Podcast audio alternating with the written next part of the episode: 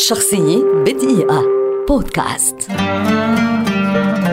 إبراهيم الفقي. خبير تنمية بشرية وبرمجة لغوية عصبية كاتب ومحاضر مصري شهير ولد عام 1950 وهو رئيس مجلس إدارة المركز الكندي للتنمية البشرية ومؤسس ورئيس مجلس إدارة مجموعة شركات إبراهيم الفقي العالمية وهو دكتور في علم الميتافيزيقيا والمؤلف لعلم ديناميكية التكيف العصبي ومؤسس علم قوة الطاقة البشرية. حصل في بداية حياته على بطولة مصر في تنس الطاولة لعدة سنوات ومثل مصر مع المنتخب الوطني في بطولة العالم لتنس الطاولة بألمانيا الغربية عام 1969 وتدرج في الوظائف حتى درجة مدير قسم في قطاع الفنادق قبل أن يهاجر إلى كندا لدراسة الإدارة. وعمل هناك بداية في عدة وظائف منها تنظيف الأطباق وحراسة المطاعم وعمل أيضا كحمال كراسي وطاولات في فندق. ثم تدرج في وقت قصير جدا إلى أن أصبح مدير أكبر الفنادق في كندا. وحصل على الكثير من الشهادات الدولية وشهادة دكتوراه في علم التنمية البشرية وقد قام بتأليف علمين جديدين مسجلين باسمه وهما علم قوة الطاقة البشرية وعلم ديناميكية التكيف العصبي.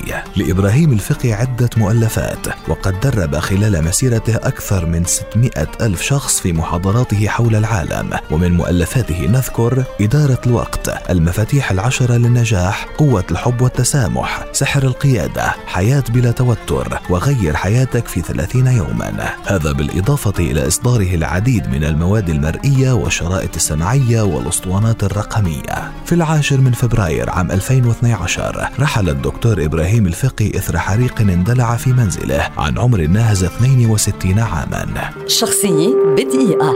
بودكاست.